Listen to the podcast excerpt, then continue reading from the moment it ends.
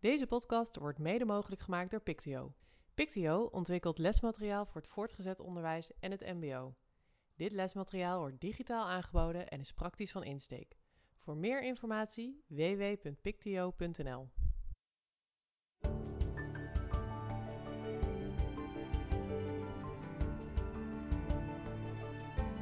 Welkom bij de Pictio Onderwijs Podcast. Mijn naam is Wietse, ik ben hoofd ICT bij Ronduit en ISOP en daarnaast heb ik mijn eigen onderneming EduNovum en ik maak deze aflevering samen met Wim.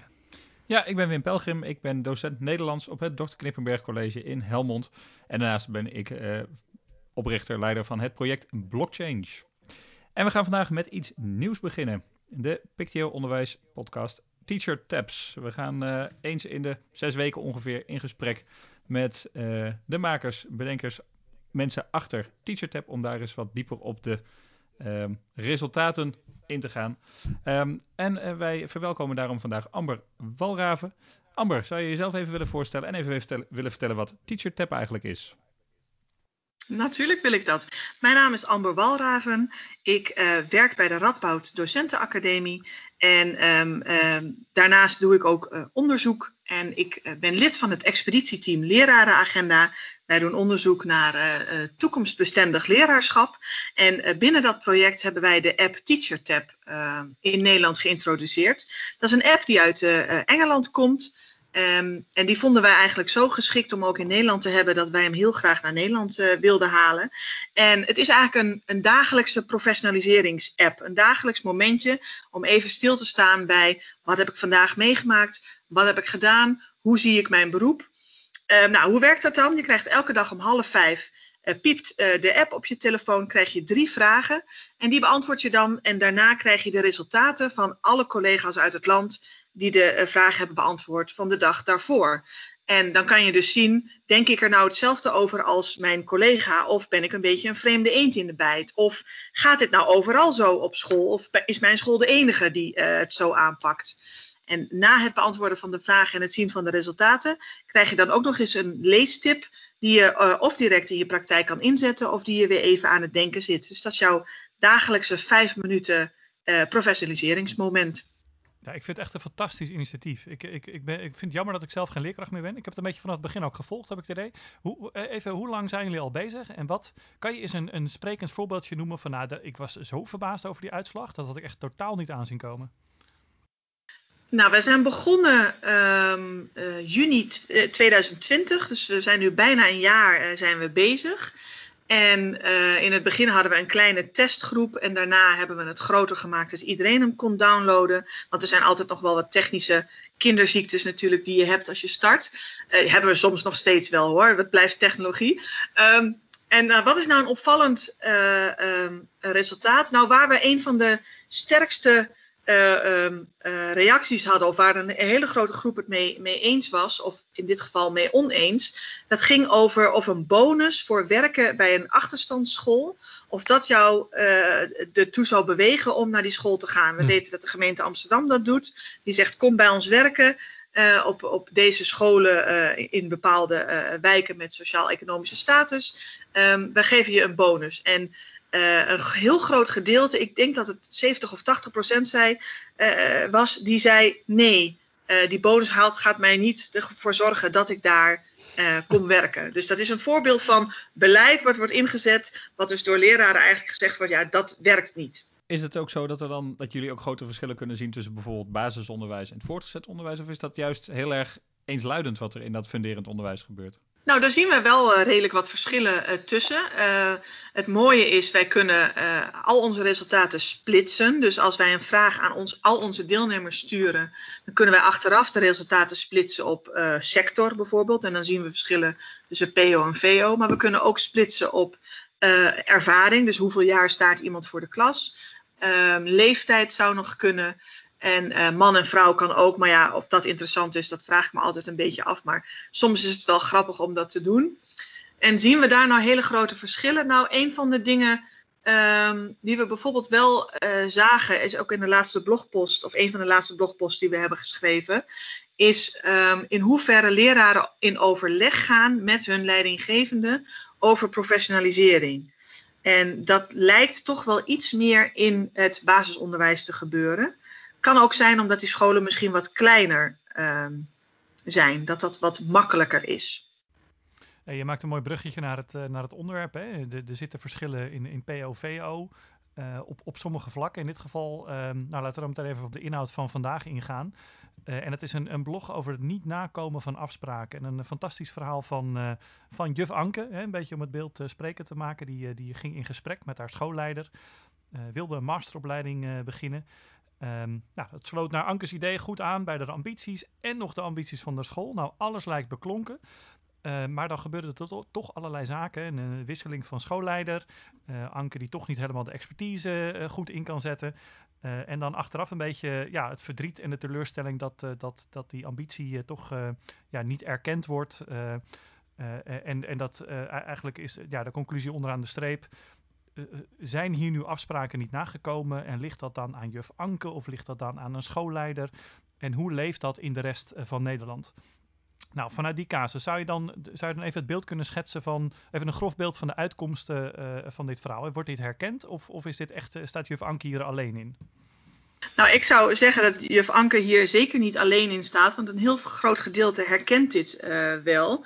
Dat um, Dat afspraken niet nagekomen worden omdat ze niet zijn vastgelegd. Je gaat er dan vanuit, ik heb dat besproken. Um, als ik dat zo even schets, dan denk ik dat het vaak gaat over, goh, dit lijkt me interessant. Mag ik dit gaan uh, uh, doen of mag ik deze cursus volgen?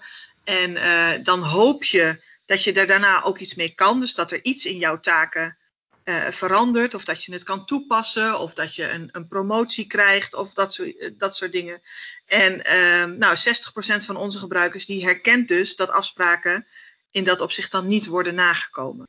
En um, jullie vragen dan hè, naar meerdere uh, redenen. En die, die wisseling van leidinggevende lijkt daar een hele belangrijke in te zijn. Welke andere um, factoren spelen daar nog een rol? Is dat, is dat wisselen van die leidinggevende of het niet vastleggen het enige? De, de vastlegging is er dan, hè, wisseling van leidinggevende is er één. Maar ook dat het dus niet expliciet vastgelegd is. Dus je hebt het al met de ene leidinggevende besproken. Maar als er dan iets verandert in jouw school, dan heb je dus eigenlijk niks om daar weer op uh, terug te vallen.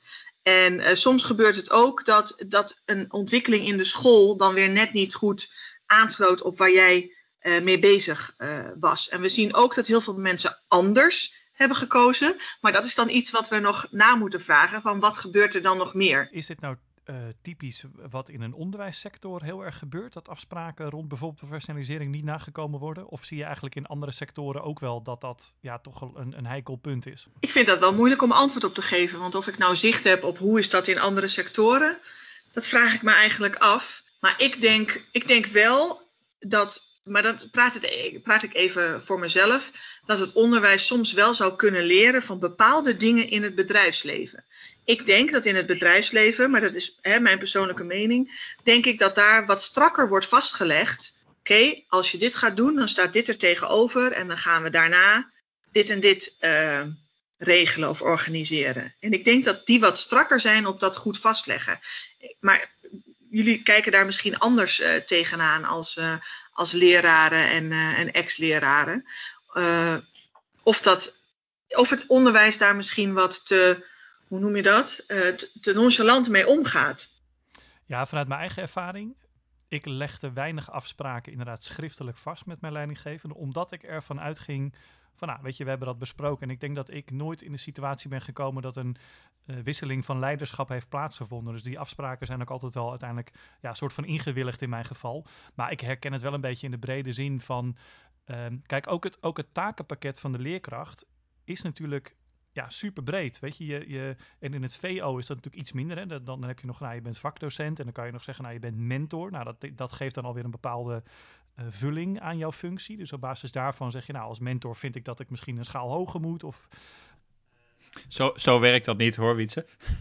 Nou ja, laat ik het zo zeggen. Je, kan er, je zou er uh, vanuit de functie die je hebt en de rollen die daaraan vasthangen in het VO, zitten daar best wel wat meer schotten tussen dan in het PO.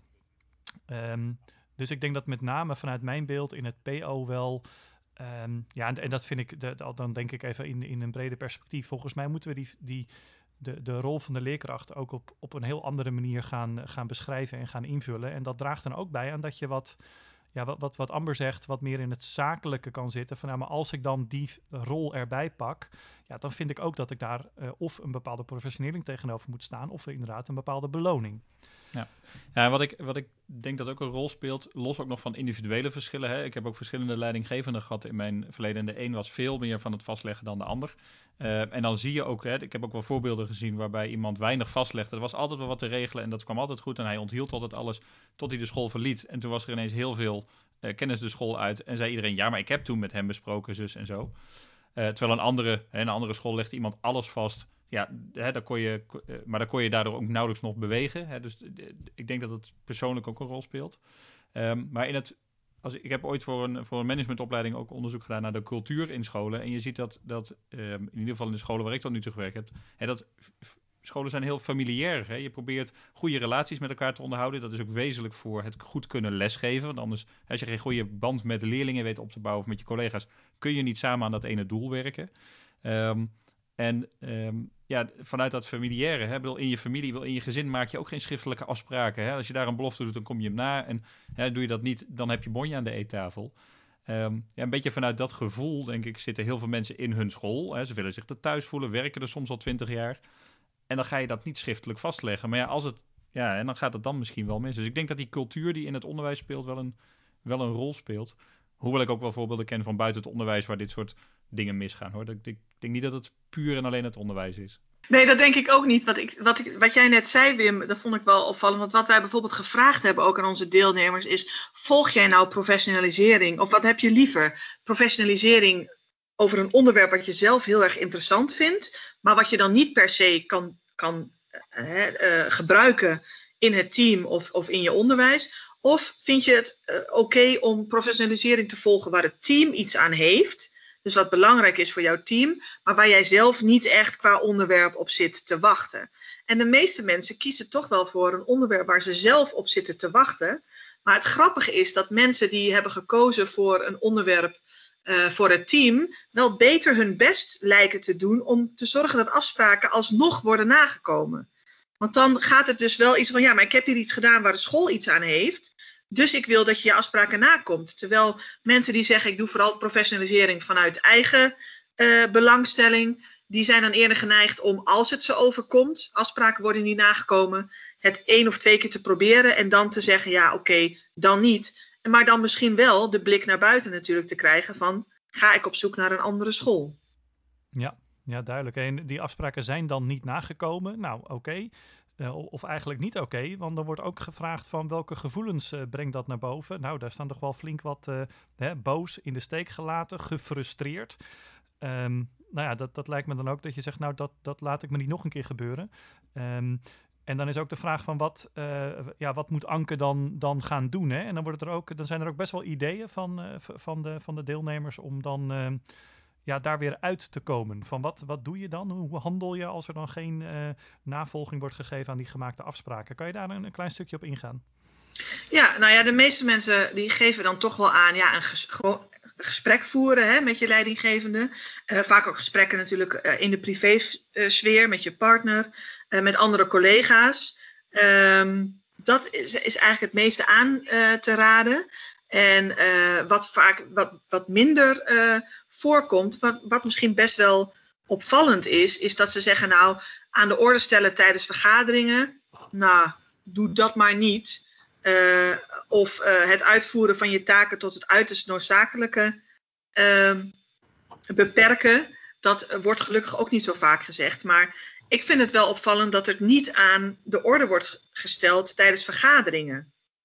Uh, nou snap ik best wel dat het een, hè, toch ook wel een persoonlijke kwestie kan zijn. Maar vooral als je, als je professionalisering hebt gevoerd uh, vanwege je team.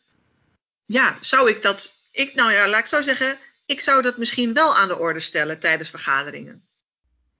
Ja, begrijpelijk. Ik denk dat het ook, dat is iets heel persoonlijks. Hè? Van durf je ook die confrontatie aan te gaan? En maak ik niet meer stuk dan, uh, dan, dan dat het nu is. En ik denk dat dat inderdaad in het karakter van mensen ook moet zitten om dat uh, wel of niet aan te gaan. Heb jij dat vaak in een, in een teamoverleg mee gehad, Wim? Dat er best wel een pittige discussie kwam op, op zoiets? Ja, ik denk, dat hangt heel erg ook denk ik van de cultuur in zo'n team af. En, en hoe staan mensen daarin? Je, hebt, je hebt docenten die tijdens een vergadering hè, gewoon alles eruit gooien. En het maakt niet uit of iedereen daar boos over wordt, maar zij willen hun punt maken. Um, maar die, in sommige teams of sommige groepen heb je ook de cultuur van, nou, hè, de leidinggevende is daarin heel sterk. Ja, als de leidinggevende heel sterk sturend is in hoe het gesprek moet verlopen of daar weinig ruimte voor geeft, ja, dan moet je die ruimte gaan pakken. Dat is al veel moeilijker dan um, dat iemand binnenkomt met goh, zijn er nog mensen die iets op hun lever hebben, kom maar even binnen en vertel het allemaal maar. Um, dus ik denk dat die cultuur daarin ook een hele grote rol speelt. En in het VO heb je ook nog, hè, je, hebt, je hebt vaak een sectie waar je in zit met vakgenoten. Je hebt ook vaak een team, uh, soms gekoppeld aan een aantal jaarlagen of aan een bepaald niveau. Hè, dus je bent al vaak op veel meer assen Um, heb je clubjes, heb je belangen. Um, ik denk dat dat ook complexer is, zoals Amber ook al aangaf. Hè. Een basisschool is vaak kleiner. Um, docenten wisselen vaak ook wel eens per, per, leerjaar. Dus je hebt veel meer verbanden in, of op kleine schaal verbanden zitten. Waar zo'n middelbare school, zeker hè, een school als de mijne met 150 collega's. Ja, ik heb niet met 150 collega's een even innige band. En die zie ik niet altijd in vergaderingen of in mijn werkzaamheden. Dus dat is heel anders. Waar ik, uh, wat mij nog wel opviel, ik, ik ga bij dat soort uh, grafiekjes en staatjes ook altijd even kijken. Je hebt hè, gefrustreerd voelt 70% zich. Nou, ik denk dat iedereen zich dat kan voorstellen. Ik word dan heel benieuwd naar de andere kant van zo'n grafiek. Ik zie bijvoorbeeld ook uh, verrast een aantal mensen. Um, ik denk dat, daar, uh, dat ik het niet te positief moet inschatten, maar ik zag ook gesterkt staan. En dan ben ik, kijk jullie ook wel eens naar die resultaten aan de andere kant, wat daar nog eventueel onder ligt. Want hoe, ik vraag me af, hoe kun je je gesterkt voelen als afspraken niet worden nagekomen? Of um, iemand die zegt, ik zal dit voor mezelf houden uh, als ik dit meemaak en het met niemand bespreken. Ja, die kant, krijgen jullie daar ook input over waarom mensen dat antwoorden of hoe dat zit? Nou, wat wij kunnen doen is dat wij bijvoorbeeld vragen met elkaar combineren. Dus dat we zeggen, uh, de groep die deze vraag heeft uh, beantwoord, hoe heeft die op een andere vraag beantwoord? Nou heb ik dat toevallig niet met die emoties gedaan. Maar wat we bijvoorbeeld wel zien, is in hoeverre voel jij nou dat jij je kennis en expertise kan uh, inzetten in jouw school? En in, in hoeverre vind jij, um, bespreek jij bijvoorbeeld jouw professionaliseringswensen met je leidinggevende? Of een combinatie van in hoeverre bespreek jij je professionaliseringswensen met je team? En is er sprake van een lerende cultuur in jouw school?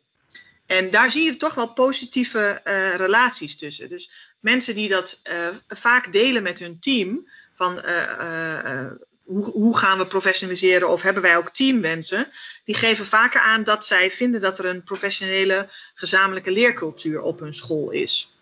En um, qua gesterkt, ja, dat, dat uh, verras je dan met, misschien een beetje.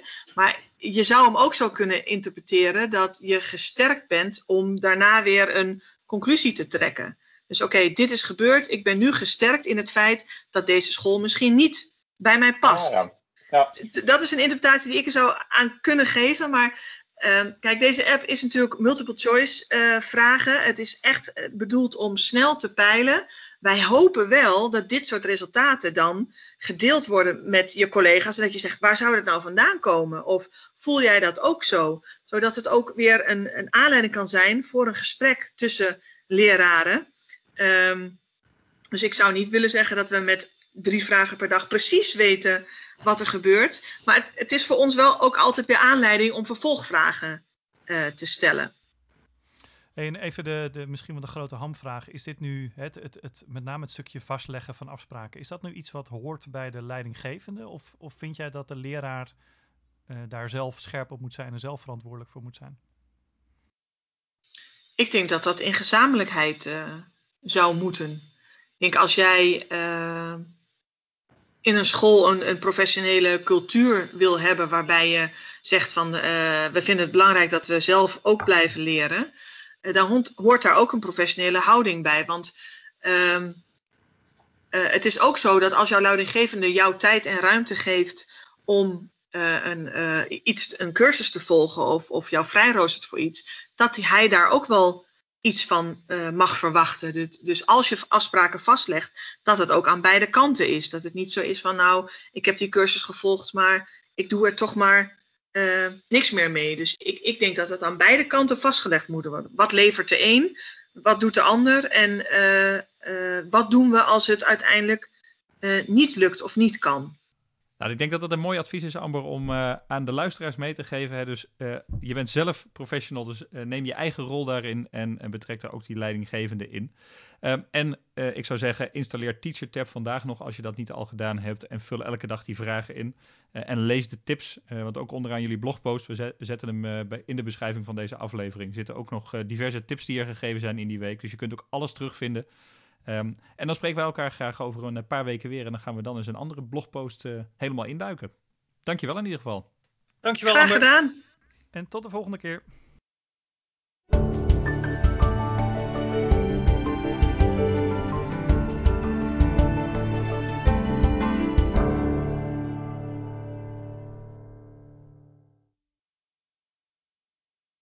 Deze podcast wordt mede mogelijk gemaakt door Pictio.